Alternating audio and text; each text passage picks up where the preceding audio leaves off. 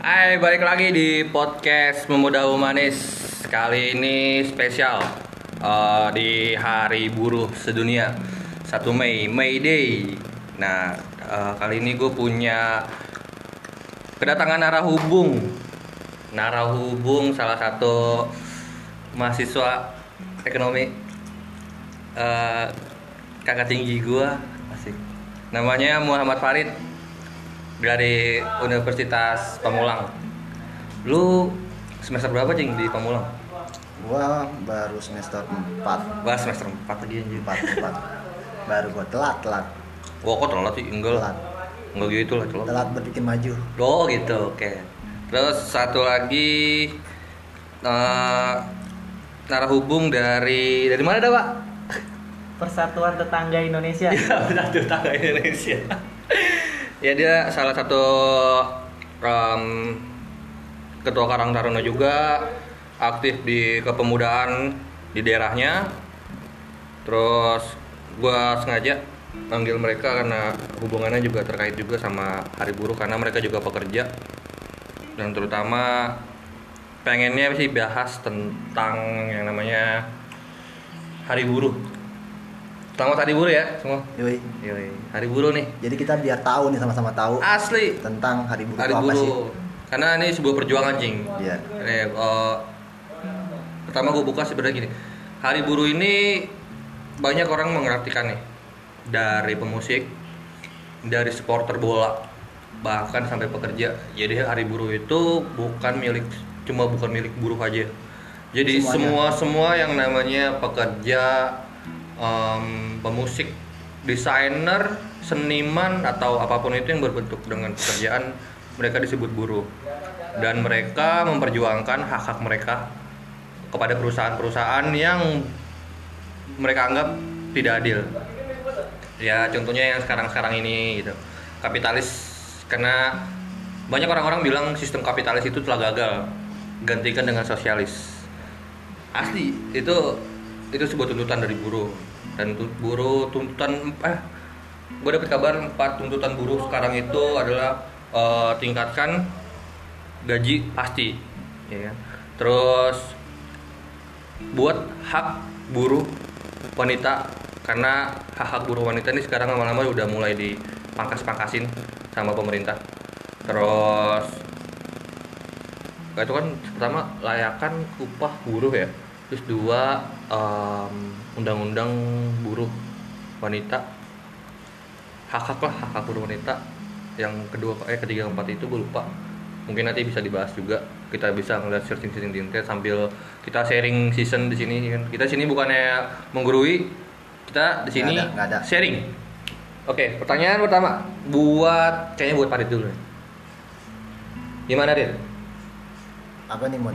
Em, pendapat tentang hari buruh Kalau pendapat gua sih tentang hari buruh itu uh, adalah sebuah hari libur. Hari libur dong? Ya Oh. hari libur. Di beberapa negara. Di beberapa negara ya? Ya Ini acaranya tahunan ya? Tahunan? Tahunan. Gerakan ini eh, yang gua tahu sedikit sih latar belakang tentang buruh itu berawal dari eh, apa ya namanya pemukulan pertama kali di pekerja Amerika Serikat terjadi pada tahun 1806 oleh pekerja Cord Winners terus main ya itu pengusungnya itu ada dua orang mun hmm. Peter uh, Miguel sama Matteo Miguel. Mereka itu seorang pekerja mesin di sana. Nah, yang gua agak greget sama mereka berdua, mereka terkenal dengan sebutan pengganggu ketenangan masyarakat. Hmm. Jadi itu mereka pelopor. namanya kata lainnya itu extreming people jadi kalau kita kita tuh nyebutnya em, power people people power ya Tipe power. people power terus Ya intinya sih dari yang gue baca itu kita itu ada hak. Kita punya tiga hak yang kita tuntut. Yang pertama itu jam kerja. jam kerja ya Jam kerja itu kita ya kalau sebelumnya itu jam kerjanya itu kan sebelum ada May Day itu 19 jam sampai 20 jam Berapa minggu tuh? dalam sehari. 19 jam. Iya. Makanya Jadinya rumusa dong ya.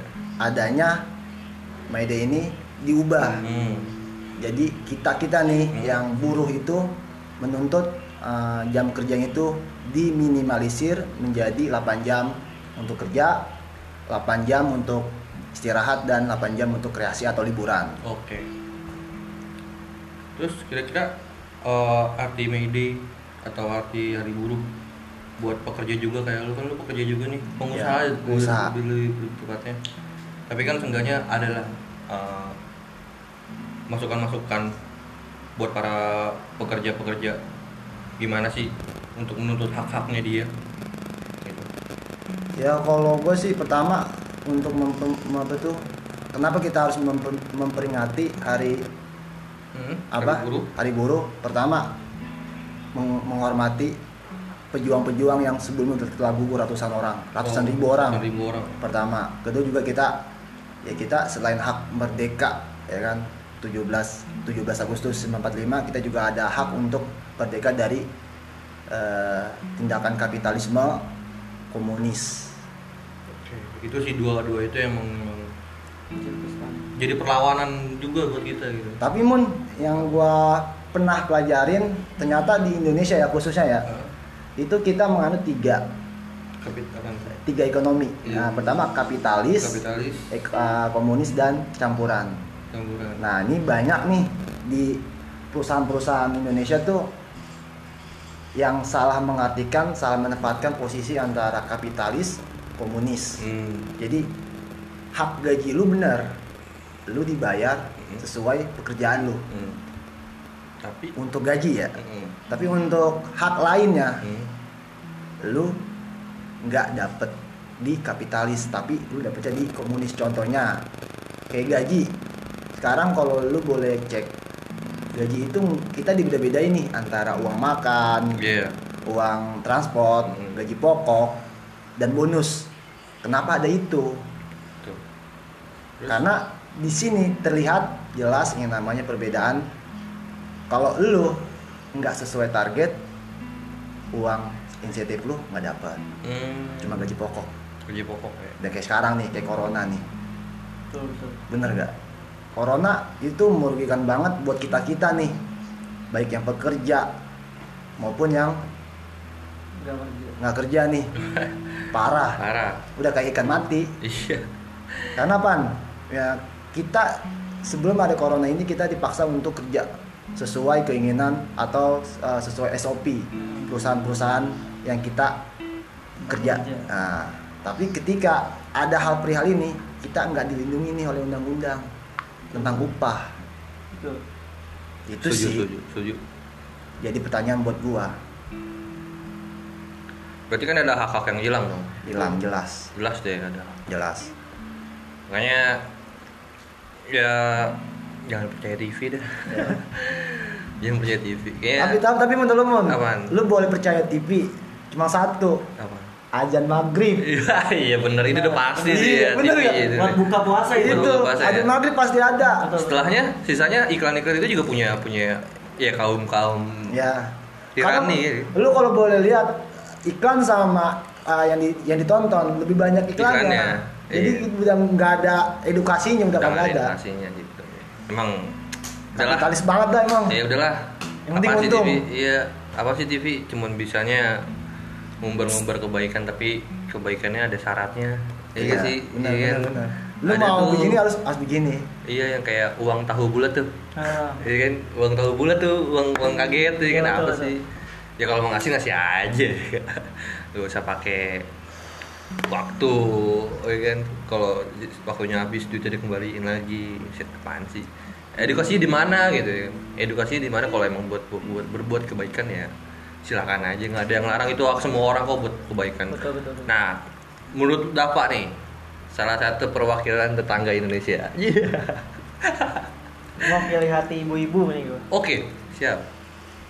Gimana dap tentang dap tentang em, buruh dap hari buruh ini menurut lo apa dan mungkin sekaligus harapan lo apa? kalau gue lihat buruh itu skala besar dunianya itu kan udah diceritain tadi sama Bang Farid ya. Tapi kalau kita lihat lagi buruh di Indonesia ini kan ya dari dulu itu kan kita dijajah, Iya. dijajah, dipaksa. Kalau zaman dulu kerennya itu Romusa. Romusa benar.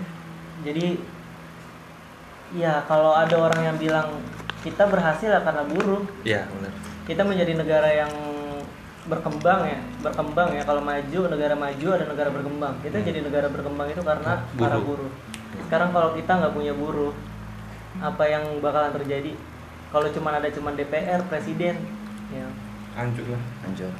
mungkin yang harus dipertahankan di Indonesia adanya Day ini adalah kita harus melihat dari sisi baiknya buruh jangan kayak apa ya kita Tuntutan- hanya tuntutan, tuntutan ya. bekerja SOP kadang kalau mau kita lihat buruh itu pun kadang kan nggak semua yang bekerja dengan perusahaan negara Yes.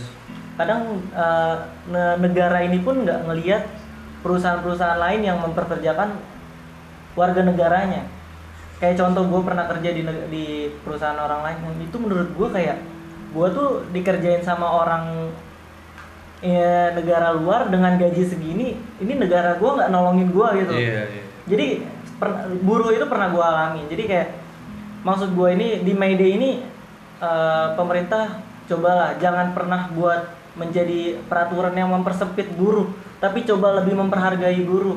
Buruh atau di hari buruh itu kita menjadi hari raya insentif. Ya, jangan benar. menjadi hari raya libur. Kalau di hari Nah. raya libur it's okay lah. Semua orang ingin merasakan yang namanya libur. Tapi itu zaman dulu di zaman mereka di Romusa. Hmm. di zaman berkembang sekarang mereka sudah bekerja dengan baik yang akhirnya menjadikan negara Indonesia berkembang. Kenapa nggak dikasih insentif? Nah, Ma, kadang mereka dikasih insentifnya oke lah di kadang di hari raya Idul Fitri itu ya hari-hari yang pokok hari-hari yang wajib untuk Iya. berbagi bahkan bukan seorang CEO Google eh, CEO pro, eh, perusahaan mau berbagi orang dermawan pun ya dermawan pun yang kerjanya itu apa ya berbagi ke tetangganya pun mau kalau di bulan suci atau di bulan yang lain gitu Yang nggak nggak usah diajarin. Nah, nggak usah diajarin. Tapi kalau coba kita dijadikan di hari May Day ini, dijadikan di hari yang buat memberi suatu apresiasi kepada guru, suatu penghargaan buat guru itu adalah suatu hal yang membanggakan sendiri buat Ya. mereka.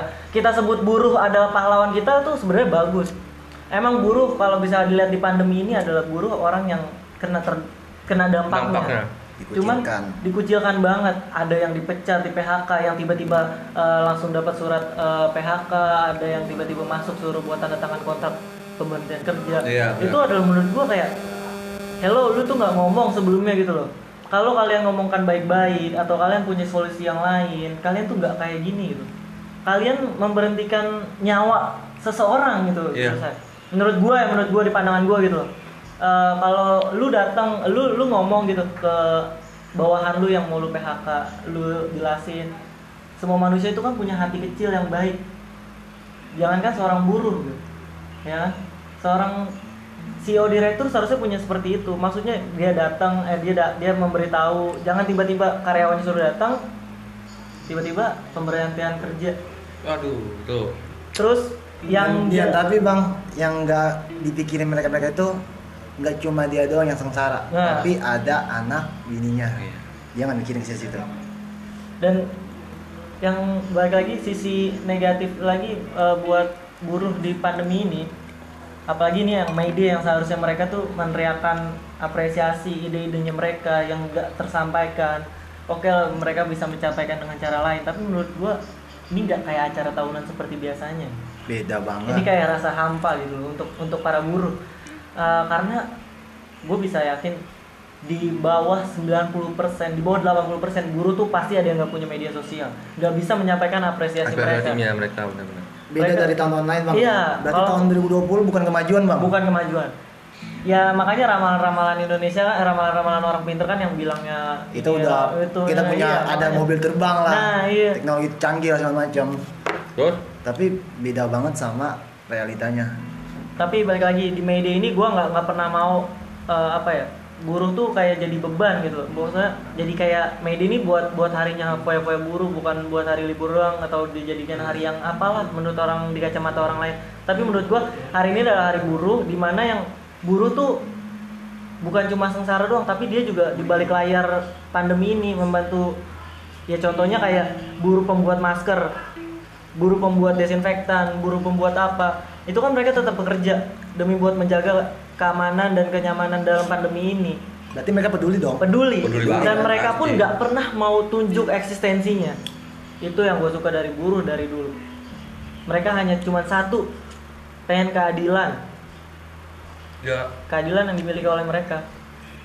sebenarnya ya itu pak kemarin gue dengar ya gue baca juga artikel jangan hanya em, memerahkan tanggal 1 Mei Ya. Cuman hanya buat menghibur gitu bener kata lo ya tapi jadikanlah tanggal 1 Mei ini jadi harinya mereka gitu Untuk hari-hari berpikir, para buruh Untuk berpikir. iya makanya ya kita sih jujur aja kita sebagai pemuda nih Hmm. kita emang belum masuk ke ranah yang namanya lebih dalam tentang buruh atau tentang May Day gitu. Betul. Tapi kita tahu penget kita punya pengetahuan tentang itu karena kita juga memperhatikan juga kan Betul, tentang betul. tentang ini. Nah, eh, ada juga harapan gua gitu. Kenapa sih kita selalu harus eh, merayakan Hari Buruh gitu, bukan sekedar merayakan, tapi kita juga ikut mengapresiasikan tuntutan-tuntutan mereka gitu. Kita bantu tuntutan-tuntutan mereka gitu. Ya mungkin lewat media sosial, mungkin yang sekarang-sekarang atau mungkin kalau nggak ada pandemi ini tanggal satu ini tuh udah rame. Rame pasti. Udah udah rame, udah May Day. Dan tahunnya juga pasti rame, Mon. Iya dan sedikit yang gue tahu tentang uh, hari buruh tentang buru-buru bukan di Indonesia juga gitu. Tapi di dunia di ya. dunia uh, perjuangan-perjuangan hari buruh itu dibantu sama yang namanya ini. Bukan hanya sekedar buruh ya. Supporter bola contohnya.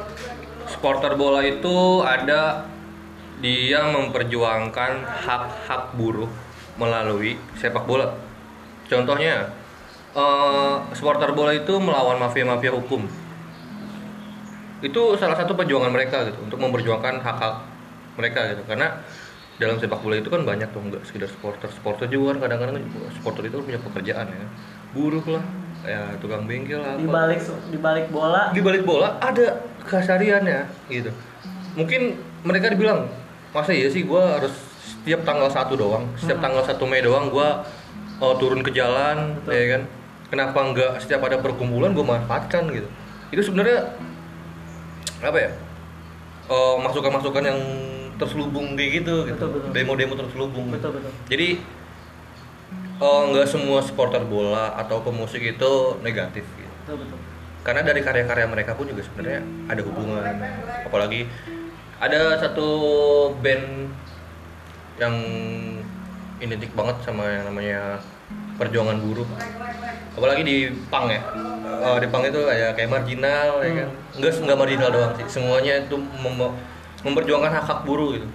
Nah makanya kita nih gue cing cing sebagai pemuda nih cing pengennya gue nih harapan gue sih ke sama negara negara ini Indonesia aja udahlah percaya diri sama uh, kualitas SDM manusianya iya uh, sumber daya manusia Indonesia harus percaya kayak misalkan beras kita beras sebenarnya kualitas terbaik juga tapi kenapa masih impor Tapi nih, Mon, Apa tuh? bicara beras, gue pernah pelajarin ini. Indonesia itu 30 persennya ya di Iya. zaman So- Soeharto itu uh, luas Indonesia 30 persennya bagian tanahnya ya 30 persennya itu untuk wilayah pertanian. Nah di sini gua uh, agak sedikit kaget mendengar beras Singapura Masuk lebih murah dari beras Indonesia. emang Singapura punya lahan ya makanya. Nah, sedangkan gue bilang baik lagi Singapura itu nggak ada yang namanya tanahnya itu sepetak aja buat pertanian nggak ada. Tapi kenapa beras di sana lebih murah dari Indonesia? Padahal kita produksi Makanya. Tuh Karena tanah kita banyak kan ya. kayak garam. Apa tuh? Luas Indonesia tuh wah gila lu mun kalau mau tahu mun luas banget lebih luas dari daratannya. Tapi kenapa kita juga pasti tetap impor impor garam dari luar negeri. Jadi gini sih, yang gua simpulin sebenarnya yang tadi lu bilang mun- kalau musisi ataupun di luar negeri. Jadi sebenarnya gini, orang biasa pun yang kacamata ya kayak gua lah. Orang ibaratnya orang bodoh pun bisa bisa menilai apresiasi terhadap buruh. tapi semuanya itu balik lagi ke peraturan yang sudah baku Iya, yang peraturan baku. yang mau dibuat peraturan yang mau jadi mereka tuh kayak kita makin lama ngelihat buruh ya makin lama makin habis Iya. makin makin tersiksa karena kita ngerti kebebasan yang seharusnya buruh dapat tuh apa tapi di di diperkecil gerak pergerakannya oleh peraturan. Dan mungkin sebenarnya orang yang ngebuat peraturan ini adalah orang yang mempunyai hati. Cuman kita nggak bisa nggak bisa menyalahkan. Cuman kayak kita hanya di sini hanya kenapa sih kenapa sih kenapa sih? Karena kita nggak ikut masuk ke dalam itu kan. Cuman eh, satu sih yang gua gua gua pengen yang gue pengen tanya ke mereka saat ketemu gitu. Apa sebenarnya di hati di di pertanyaan gue tuh satu ya baju yang kalian bu yang kalian pakai itu adalah baju ciptaannya siapa? Iya. buatan siapa? Bener bener bener, bener. dari benangnya dari cara menjahitnya dari cara penjualannya itu dipegang tangan buruh atau langsung kalian beli datang ke atau kalian langsung membuatnya. Kan nggak mungkin kan kalau kalian membelinya pasti di sana ada tukang jahit yang namanya perempuan ada yang namanya pedagang Dagang. di tempat toko dia membeli itu adalah cewek pasti kenapa mereka nggak memikirkan itu gitu tapi kenapa di saat yang sekarang ini mau dipersulit mau bener-bener kayak dikekang jadi kayak ya ini udah pergerakan yang udah terjadi walaupun sebelumnya nggak kayak gini buruh itu cuma satu cuma mem- mem- meneriakan haknya. Cuma meneriakan kemerdekaannya cuma meneriakan langkahnya. Iya, iya. karena kayak kayak kita sebenarnya buruh itu pemuda. Ya kan? yang mereka lihat tuh cuma ya kita yang jeleknya aja. Iya jeleknya tapi kita dia nggak tahu isi hati kita isi otak kita kita bekerja untuk siapa. Kadang nggak ngelihat itu. Satu buruh yang kalian pecat itu adalah empat orang mungkin yang meninggal. Itu hati nuraninya udah mulai luntur juga Gila Indonesia. Jadi ya kalau gue lihat di Indonesia ini jeleknya itu dari awal mau Iya. dari dari kita merdeka gitu-gitu. Kalau oke lah kalau kita tanya orang sastrawan sastrawan mungkin mereka pun bisa menjawab di Indonesia menangnya dikasih gratis, iya nggak ada yang namanya kemerdekaan. Makanya kita pas berkembang maunya berebutan tahta, berebutan harta. Di saat orang yang punya duit punya tahta. Sedangkan kita buru-buru kecil, orang-orang kecil, masyarakat kecil yang benar-benar paling berada paling bawah itu ya cuma bisa menyuara- menyuarakan, menyuarakan, menyuarakan yang nggak pernah dilihat, nggak pernah didengar. Tapi eh, kita tetap harus dukung yang namanya orang-orang yang yang berbuat jujur, yang berbuat berani ngomong di itu, Ya. walaupun kita nggak pernah. Tapi apa tadi bilang jujur? Nih kalau kata Babe gue mah ini nih. Lu baca dong. Hidup tuh kudu jujur, kalau nggak mau hancur. Nah, berarti kalau negara hancur berarti lu nggak juga nggak jujur. Hihihi. kata Benjamin Sueb tuh ya. Oh iya. Babe gue. ya itu dah makanya kita juga kan apa ya pemuda kan diciptakan untuk eh, apa menurunkan para generasi tua yang mengacau Betul. kalau kata Sogi Betul. Kalau kata Sogi ya kan? Nah terus eh kenapa sih kita kita nih emang harus berjuang kepada itu? Karena itu adalah bagian dari perjuangan-perjuangan eh, rakyat-rakyat kecil kayak kita. Betul betul. dan kita pun harus tahu juga Betul, betul. langkah-langkah pemerintah tuh selanjutnya kayak gimana. Dan kita nggak boleh diem gitu cuman kita boleh nonton TV kita boleh nonton TV tapi kita cerna nggak boleh kita telan matang-matang karena bagian semua dari TV itu semuanya udah bullshit menurut gue ya itu udah semua udah bullshit udah ah Bisa gue bilang sih walaupun kita bukan bukan politikus, Iya. seenggaknya sejak dini kita harus punya sikap kritis. wah kalau kata ini tuh harus ada tim eh, alarm kritis lu dalam Iya. dari jadi Itu lu nggak boleh yang angkuh apalagi lu jadi orang yang apatis. Gitu lu nggak mau nggak mau ngerti apa apa gua nggak tahu apa yang penting gue hidup gini. Ya menurut gue itu buat apa lu hidup gitu. Bila nantinya ke eh, apa namanya salah ada kesalahan lu protes gitu. Tapi padahal lu nggak berbuat apa-apa. Betul betul. gitu itu yang yang gue benci. Kayak soalnya kelas balik ya tentang kayak ke, ke pemilu gitu. Jujur aja ya jujur aja ketika pemilu kemarin sebenernya gue nggak mau milih siapa-siapa gitu. kenapa sih gue nggak mau milih siapa-siapa ya satu. Mohon maaf ya bukannya tapi bodo amat sih kan. Gue mau yang terbuka aja gitu karena juga apresiasi kita. Kan kita juga punya hak buat menyuarakan apa pun itu karena kita juga ada di undang-undang gitu ada hak semuanya. Nggak peduli ah siapa yang mau inian kita juga bukan di zaman Soeharto lagi sih. Eh tapi kayaknya udah udah kayak udah kaya ya? Udah hampir mirip ya? iya hampir mirip ya udah semua yang bersuara pasti di awalnya doang manis. Yo i jadi gini mun kalau kalau dari zamannya Soeharto kita udah disebut Hah? beri aku 10 pemuda terus? maka akan kuguncangkan dunia. Iya kalau sekarang? Kalau zaman sekarang kita pemuda ditutup sebelah mata. Iya. Apa kita perlu dibatasin. apa kita perlu culik para eh, presiden? Kayak Iya. dulu Soeharto akhirnya nyebut begitu. Makanya ya kan? Aduh gimana ya? Ingat dulu dari dulu tuh pemuda udah disebut. Oke lah sekarang zaman sekarang pemuda udah masuk ke dalam kabinet. Cuman pemuda yang masuk kabinet kita tahu latar belakangnya. Nggak tahu kita ya mereka orang yang cerdas yang mau punya penghasilan besar yang akhirnya menciptakan suatu ide. Oke lah mereka buka lapangan pekerjaan. Cuman pas duduk di kabinet itu rasanya nggak cocok. Dia lebih cocok di tempat yang sebelumnya. Iya karena ranahnya dia di situ. Tapi balik lagi mun. Kalau kita lihat pemuda-pemuda yang meneriakan eh, kesejahteraan rakyat ke kesejahteraan buruh atau apa yang dia selalu teriakan di saat demo-demo waktu dulu tahun 9 jadinya penjilat. penjilat. Sebenarnya sama sih eh, inti dari dasarnya adalah hati nurani. Hati nurani. Jangan lunturkan hati nuranimu jangan lunturkan niatmu dari awal. Kalau niatan lu di situ mau nyari duit mendingan lu nyari duit kerja. Aja kayak ada seorang uh, orang temukakan ya. Kalau lu di dunia sosial lu nyari duit mending lu kerja. Dari kerja lu punya duit baru lu masuk sosial lu ngebantu. Nah. Tapi kalau di sosial lu nyari duit lu mati di sosial lu anjur di sosial atau lu nggak bakalan nemu ilmu dari sosial. Berarti banyak ya yang yang kayak naik numpang ya. Numpang. ibarat kata wah gue pengen naik bus nih Benar, numpang ah eh benar.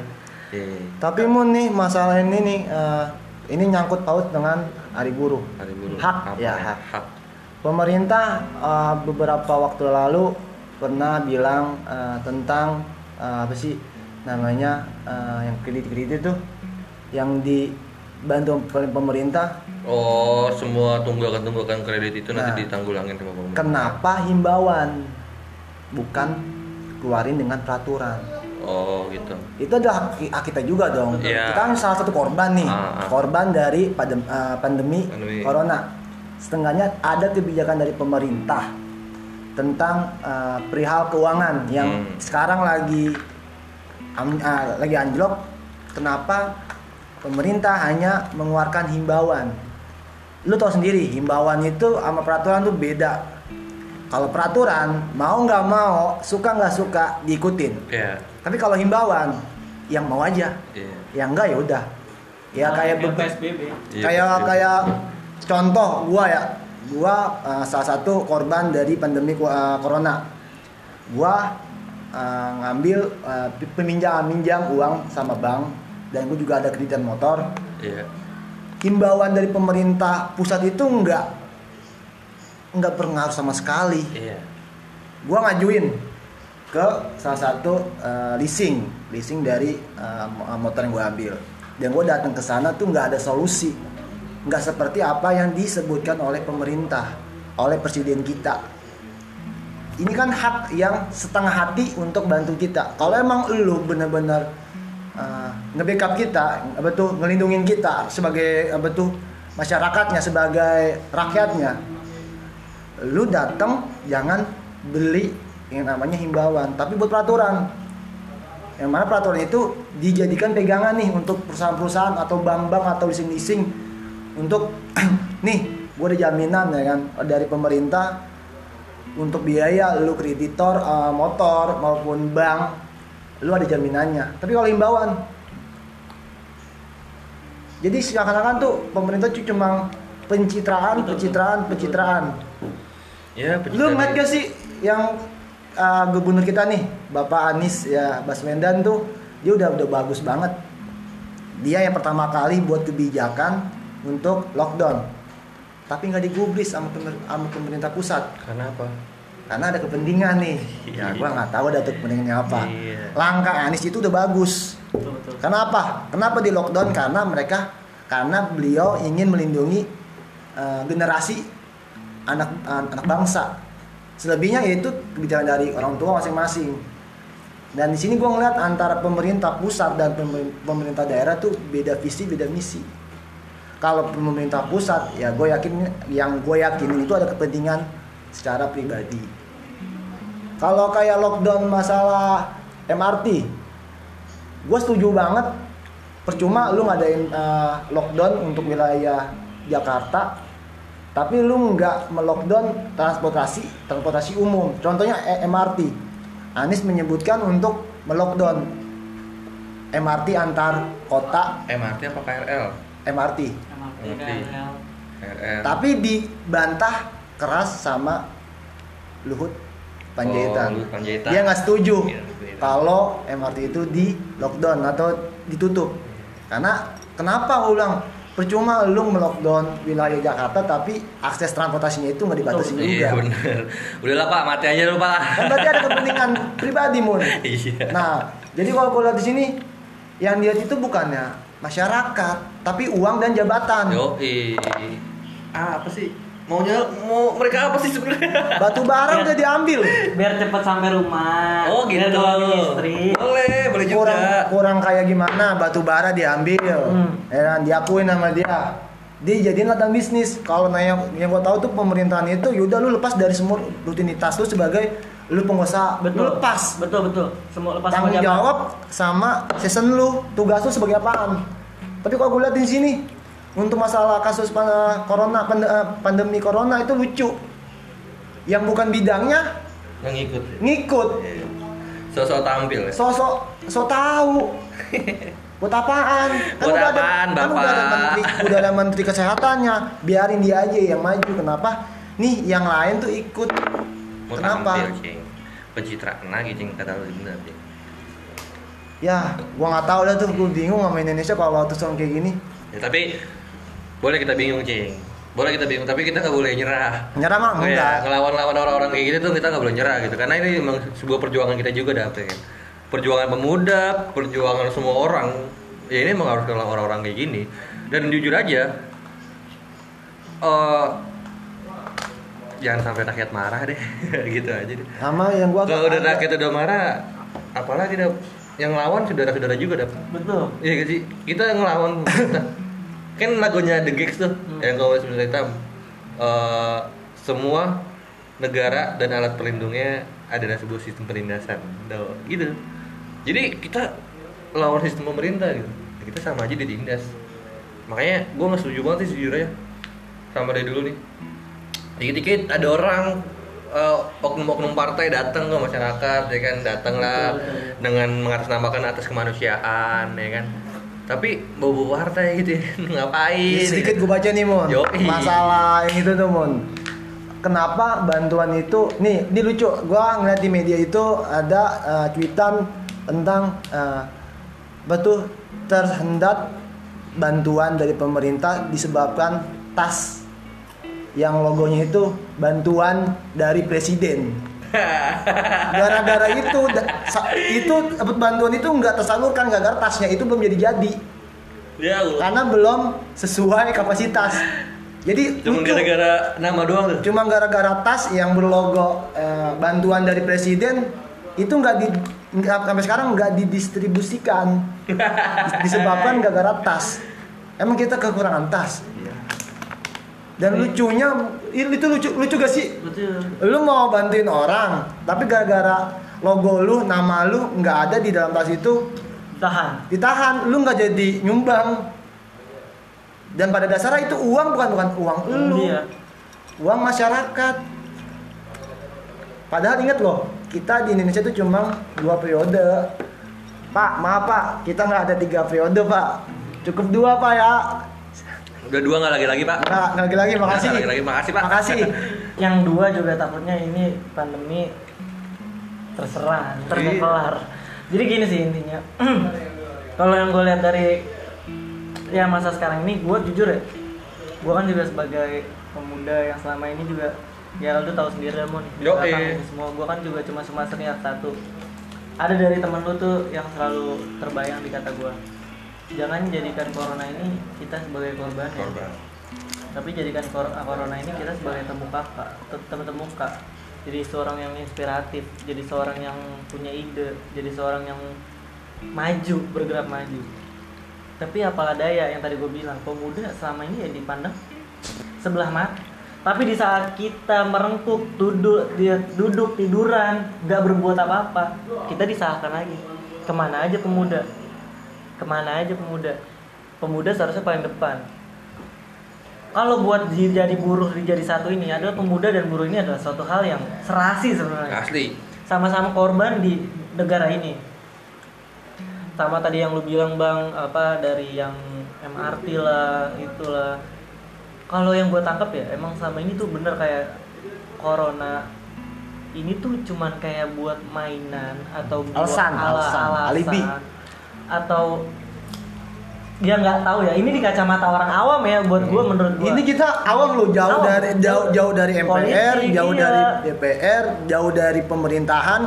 Kita aja nih yang bahasanya orang kampung paham, Paham. betul langkah-langkah pemerintah yang sekarang nih mau ke mana. Betul. Ibarat kata kayak nonton sinetron Indonesia tuh gampang banget ditebak. udah ditebak Di Indonesia tuh, lu kalau nonton film sinetron, lu pasti tahu ending endingnya bakal gimana. betul betul betul Ini kita orang awam. Betul. Jadi kalau gua lihat nih bang, kalau di Indonesia, ya udah, ini emang udah tatanya dia, ntar dia mau lanjutin lagi dengan eh, presiden se- selanjutnya, selanjutnya ntar eh, sama, hampir sama kayak yang sekarang ya kan. Jadi itu seharusnya kita putuskan dari sekarang bro. Emang satu lagi balik lagi mun, pemuda yang harus maju. Iya, harus. Pemuda yang harus teriakin nama buruh, pemuda yang harus namanya yang teriakin namanya kesejahteraan rakyat. Pemuda, pemuda, pemuda. Tapi satu lagi, sedikit aja pemerintah ngasih celah buat pemuda yang ada di bawah, bukan yang mereka kenal, yang udah terkenal, yang udah go internasional atau apa. Sedikit aja memberi celah yang lebih yang di bawah, satu tingkat atau dua tingkat di bawahnya. Negara ini akan berubah. pasti sih Negara ini akan berubah. Kita hilangkan yang namanya orang tua, Luhut, Panjaitan atau yang lain itu itu segalanya. Ini bakalan jadi negara yang berkembang. Kita sama-sama tahu, kita sama-sama ya jelek-jeleknya mereka kita Iya. sama-sama gimana mereka saat berkampanye, gimana mereka saat menjadi orang kepemi- pe- pemimpin, gimana saat pemimpinan itu menjadi kena dampak. Kita semua udah ngeliat dan terus mereka mau mau terus bertahta di negara kita. Kita yang harus putuskan. Cuman balik lagi, kita selalu diserang, kita selalu dikecilkan. Enggak bang, bang, tadi dulu bang.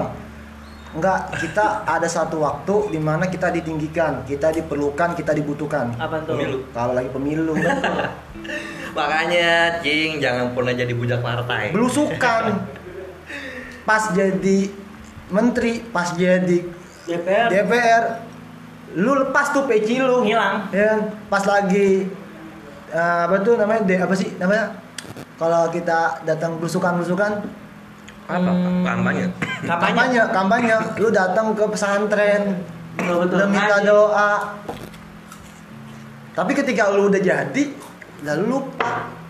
Seakan-akan lu melihat kita nih, melihat orang-orang bawah tuh, lu di atas gunung, gue di bawah. tapi gini Tapi nggak sadar, gua ngelihat lu dari bawah, dari ke atas kecil juga bos. nggak beda pandangan aja. ada ada sedikit pandangan gue yang aneh juga sih sebenarnya kan lu tadi bilang uh, kalau ketika itu pemilu datang ke sosial Iya. misalkan gue nggak sebut kayak pengajian doang ya.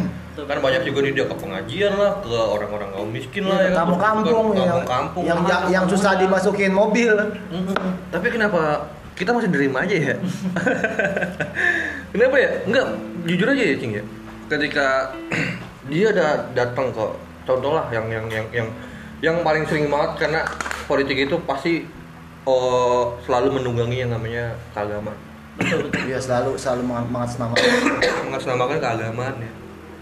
Tapi itu kan cuma kedok doang kan ya? Nanti setelah dia udah kepilih kan dia dihilang tuh dia. Kemarin tahu tuh boro-boro teng tengok pesantren. Ini kan? Boro-boro tengok pesantren. Ya kenapa orang-orang yang maaf ya pesan yang mungkin pesantren gitu ya kan? Ada mulai ulama yang kok masih gitu mau nerima? Gitu padahal itu sebenarnya udah jelas gitu. Oh. karena kita juga bener cing pandangan pemuda sekarang nih kalau buat gue pribadi gue pun ngeliat orang-orang yang datang apalagi tuh para simpatisan simpatisan partainya tuh. Hmm. bener? Relawan. relawan. Itu tuh yang gue paling gue benci. Lu datang bayi-bayiin datang banget ujungnya lu ikut yuk cari ini ntar ini tapi ujung-ujungnya tuh udah ada kedok ya kedoknya pan oknum-oknum partai. Hmm. ujungnya yang yang dicari cuma duit. Kata dia ya lah manfaatin aja duitnya nggak usah dipilih. Betul. tapi kan itu kan jadi sebuah jalan. Jalan menuju kehancuran Iya nggak sih. Se- sebenarnya kalau kalau gua lihat ya sebenarnya eh, mereka itu datang berusukan ke suatu wilayah. Dia itu hanya untuk mengambil sampel data. Sampel data apa tuh? Data kalau mereka itu ada pendukungnya di wilayah ini. Oh ya kan gini dah. Lu buk, eh, lu bukan orang sini lu bisa bisa aja main di sini. Hmm. ya kan? Masa diterima nggak terimanya ya itu kan baik lagi TV punya siapa? Betul betul. itu pertama. Kalau yang kedua kenapa mesti dia turun tangan? Oh iya paham. Kayak namanya ketika ada kecurangan ya dia nggak terlihat banget. Padahal mah di, di wilayah ini dia nggak pendukung tapi dia pernah datang ke wilayah itu. Ketika ada kecurangan ya dia ada ada bukti ada alasannya. Gua pernah berusukan di wilayah ini. Lu bayangin kalau ketika lagi kampanye dia nggak datang ke mana-mana tiba-tiba dia jadi presiden ya dia menang suaranya itu kan jadi jadi pertanyaan Nah, makanya dia menutupinya dengan hal-hal kayak gitu iya, iya. data ya sebuah data mah bisa dimainin manu- manufaktur data. Tapi kata yang lu tadi mun gue suka tuh. Jadi aja dia datang, ambil aja duitnya. Iya. Gak usah kita pilih. Iya. Itu tapi membuat kebodohan. Iya, Itu. membuat kebodohan, kehancuran. membuat kehancuran. yang niat lu- yang niatnya benar dia tuh cuma ambil duitnya doang tapi kan datanya dia kan diperluin untuk Nah, Karena kan gini, alasan dia untuk kita kan emang kita orang butuh duit, Cing ya. Betul, betul, betul. Kita kita semua orang butuh duit. Betul, betul. Ketika lagi pemilu ini itu ladang-ladangnya maaf ya, maaf banget ya. Ini berkata ada ada tanda kutipnya nih. Kita wah, zaman pemilu nih. Ini duit-duitnya ngalir, Pak. Duit ngalir nih. Berkata yang Betul, pengangguran pun punya duit jadinya gara-gara apa? Ya gara-gara tiba-tiba wah, itu apaan tuh? Oh, partai ini ya. Ada, gua mau dah. Tiba-tiba pakai baju, baju partai, datangin ke tongkrong-tongkrong teman-teman dia. Eh, nih, pakai ada partai nih, ada duitnya. Udah, ambil aja duitnya, ya kan? Pilih mah jangan. Tapi ya gara-gara kita ngambil duit itu data kita sama dia dia dan dan kadang-kadang pun kadang ya mungkin ya maaf maaf ya banyak oknum-oknum putar di TPS ini lo lo oh, pilih dia ya dengan kepaksaan gitu ya kan apa dengan duit yang lumayan. Ya lu- ya dap cuma lima menit dap. Jangan kan lima menit dap dua menit dah. Betul, betul. dua menit lu datang eh, masuk ke bilik suara lu dapet duit seratus ribu misalkan. Lu mana orang mana yang gak mau? Yang but- butuh duit kayak gitu ya kan? Tapi kehancurannya apa? Oh, dampak dampak lainnya apa? Kehancuran Indonesia yang lebih besar bahkan lima tahun cuy. Bukan sehari. Kalau kita dapat sehari tuh duit. Lu dapat duit seribu. asal seribu sehari tapi, tapi, lu kerugian. dampaknya kerugiannya sampai sampai ratusan triliun. Iya lima tahun itu Iya. lu bakalan hancur seadanya. Nah makanya gua kadang lebih, lebih merhatiin kayak gitu makanya ada eh, kita nih sebagai pemuda nih ketika mungkin kita di, di tongkrongan kita ada tuh eh, komunitas-komunitas pemudaan gitu gua nggak mau nggak mau banget yang namanya ada kayak misalnya lu cing. Maaf nih cing ya ketika lu kumpul di komunitas kampus lu misalkan datang lah lu lagi bakti bakti sosial. Terus tiba-tiba lu ada orang datang nawarin bantuan. Tapi dengan atas nama partai. Mohon maaf mendingan gue buang gitu anggotanya aja karena ya semuanya isbulu sih cing. Omong kosong semuanya cing. Nggak ada yang nggak ada yang benar. Omongan lo janji janji banget bla bla bla bla bla bla bla. Tapi ya Indonesia dalam krisis kepercayaan cuy. Indonesia dalam krisis kepercayaan nah Mun ini kalau lu dengar gak sih pembahasan-pembahasan tentang omnibus law tuh waduh omnibus law Hah? Ya. Boleh gak sih kalau kita angkat nih? Ini kan Maide nih.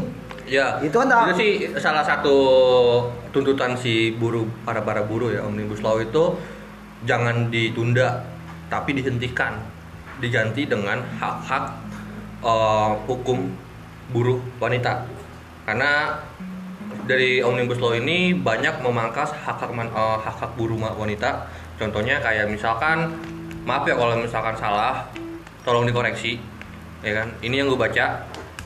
Jadi gini hak-hak buruh wanita itu dipangkasnya oleh kayak gini. Misalkan eh, istri lu cing doi lagi cuti haid hamil hamil. Hamil? Hamil. Ya, hamil kan itu kan nggak nggak harus di- nggak bisa kerja lah. nggak bisa kerja sama sekali dong. Minimal kan coba yang lo tahu kalau ketika eh, ada cewek lagi hamil itu minimal cuti itu enam bulan. enam bulan kalau nggak tujuh bulan ya? Eh Enam bulan. enam bulan ya? Enam enam bulan lah. Enam bulan ya? Karena untuk kan masa menyusui ya? masa menyusui sampai tiga bulan empat bulan Iya. dulu off di rumah dong. Iya. Tapi dapat duit kan? Dapat duit. Dapat kan? Karena itu cuti hak kan? Hak. tapi nanti ketika omnibus law itu benar-benar dijadiin itu bakalan gak dibayar sih itu hak hak hak haknya wanita buruh kalau nggak dibayar nggak jadi ngelahirin tak nah itu. Jadi lu libur libur aja nggak gitu. bisa nggak ada penerus bangsa lagi. Iya Iya, ibaratnya gitu. Ini lu, lu lagi hamil nih. Yaudah lu gua kasih cuti. Lu gua kasih kerengan Tapi nggak di- tapi nggak digaji. Nggak digaji. Gitu terus kayak haid ya lu lagi haid ya kan sakit mengganggu pekerjaan. Daripada gue mengganggu pekerjaan mendingin gue libur di rumah atau izin. Itu nggak dibayar toh orang yang libur pun aja kita mungkin sekarang gue juga ngerasain ketika gue libur sebenarnya gaji pokok gue itu masih kehitung. Cuma yang gak kepotongnya itu apa? Gaji buat uang makan uang transport Betul, betul. atau uang yang lain-lainnya. Itu nggak dibayar ya jelas. Betul. karena kita nggak mas kita nggak langsung kerja yang harusnya kita makan. Karena kita kerja ya kita nggak kerja ya kita nggak makan dong. Tapi tetap hak pokoknya dapat. Dapat. nah itu kedua. Hak ketiganya itu kalau nggak salah apa ya wah gua agak lupa tuh. Hak ketiganya. Jadi ada ada ada tiga tuntutan tuh buat wanita. Itu si omnibus law. Yang gue tahu cip cipta namanya cilaka. Cipta lawangan kerja. Ya itu sih akal-akalan orang-orang inilah oknum-oknum yang menurut gua ya politik tai kucing lah pokoknya iya itu So- akal-akalan mereka gitu. Iya kan lu bilang kalau masalah omnibus apa tuh? Omnibus law. Omnibus omnibus law itu sebenarnya kalau pemerintah bijak dalam membuat peraturan sebenarnya nggak masalah. Tapi kan ma- kenapa ada masalah? Karena kebijakan mereka tuh yang ngawur. Yang memperkecil gerak. Nah, pertama, eh, ya di sini sih gua juga menuntut nih beberapa poin penting untuk eh, My Day ke depan nih tuntutan kita dari pemerintah. Yang pertama itu untuk eh, apa? eh, pemerintah itu harus melibatkan semua unsur di dalam untuk terjun di dalam proyek atau Proyek. pekerjaan. Kayak lu bisa lihat Indonesia itu negara industri. Disebut ya kan, kenapa kita banyak memerlukan tenaga tenaga asing? Alasannya, ya karena orang-orang kita itu nggak mampu untuk menjalankan eh, mekanisme eh, perusahaan itu. Hmm. dan salahnya kita itu sadar nggak sa secara nggak sadar lu lu membuat eh, apa sih sekolah menengah tuh kejuruan hmm. SMK seandainya mereka mereka pelaku yang yang nantinya bakal terjun langsung dia kan udah siap kerja dibekali dengan beberapa Ilmu, fasilitas gue rasa sih dengan bimbingan edukasi segala macam kita bakal mampu bersaing. Yang jadi pertanyaannya itu mereka menuntut tapi hak-hak dari mas eh, dari siswanya itu nggak diwujudin. Praktek-praktekannya tempat buat pengadaan fasilitas itu nggak ada. Ya. SMK SMK ya. Kayak SMK ten nah teknik mesin. Mesin. Terus apa lagi? Eh, komputer. komputer. Eh, multimedia ya? Media. dan pemerintah itu mengabaikan hal-hal itu. Ya cuma gini jing. Oh balik lagi soal pendidikan ya pendidikan SMK itu gue kurang setuju jujur ya. Sebenarnya sebenarnya ada ada ada ada eh, tingkatnya tingkatannya lagi. Tapi membutuhkan uang.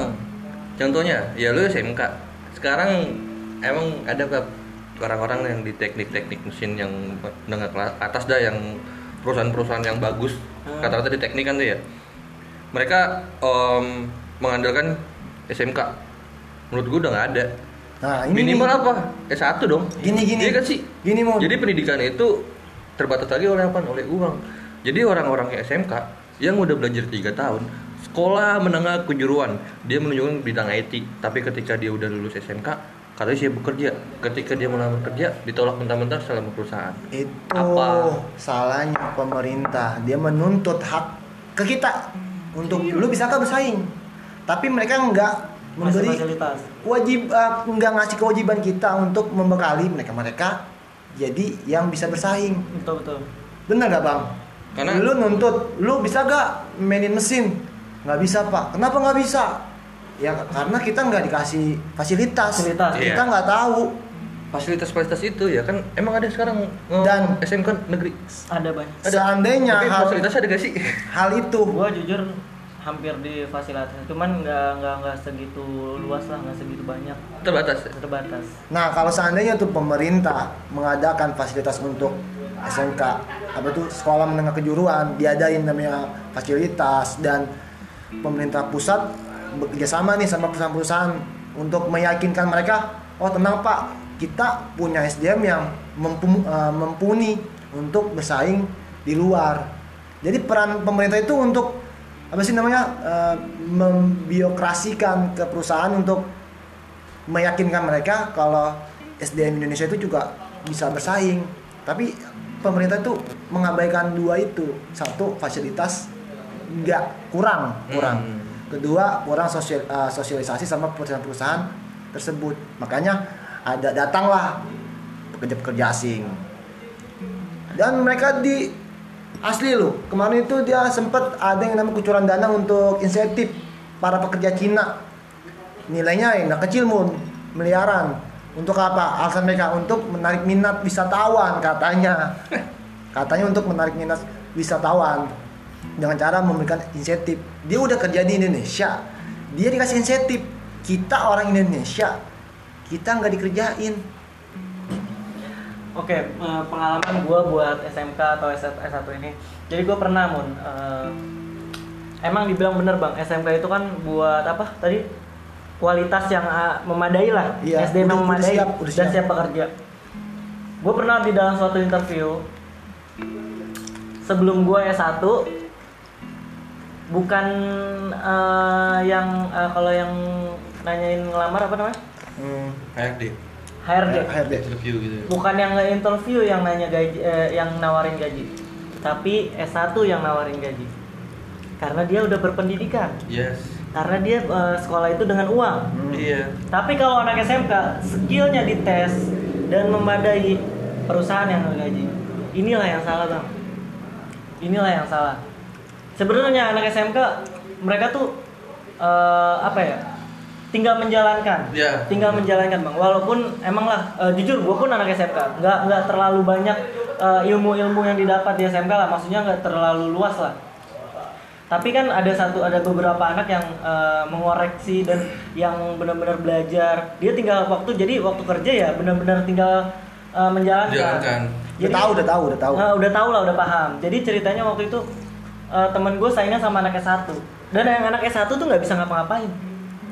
Sedangkan gajinya dia itu udah 8 juta. Ini untuk jaringan ya. iya Eh, tutup lah rahasianya. Terus tiba-tiba temen gue yang SMK suruh ngerjain sama kayak anak S1 bisa Dan dalam gaji- waktu 30 menit dan gajinya cuma Beda. 3 juta Beda. 400. Jauh banget, Beda, banget.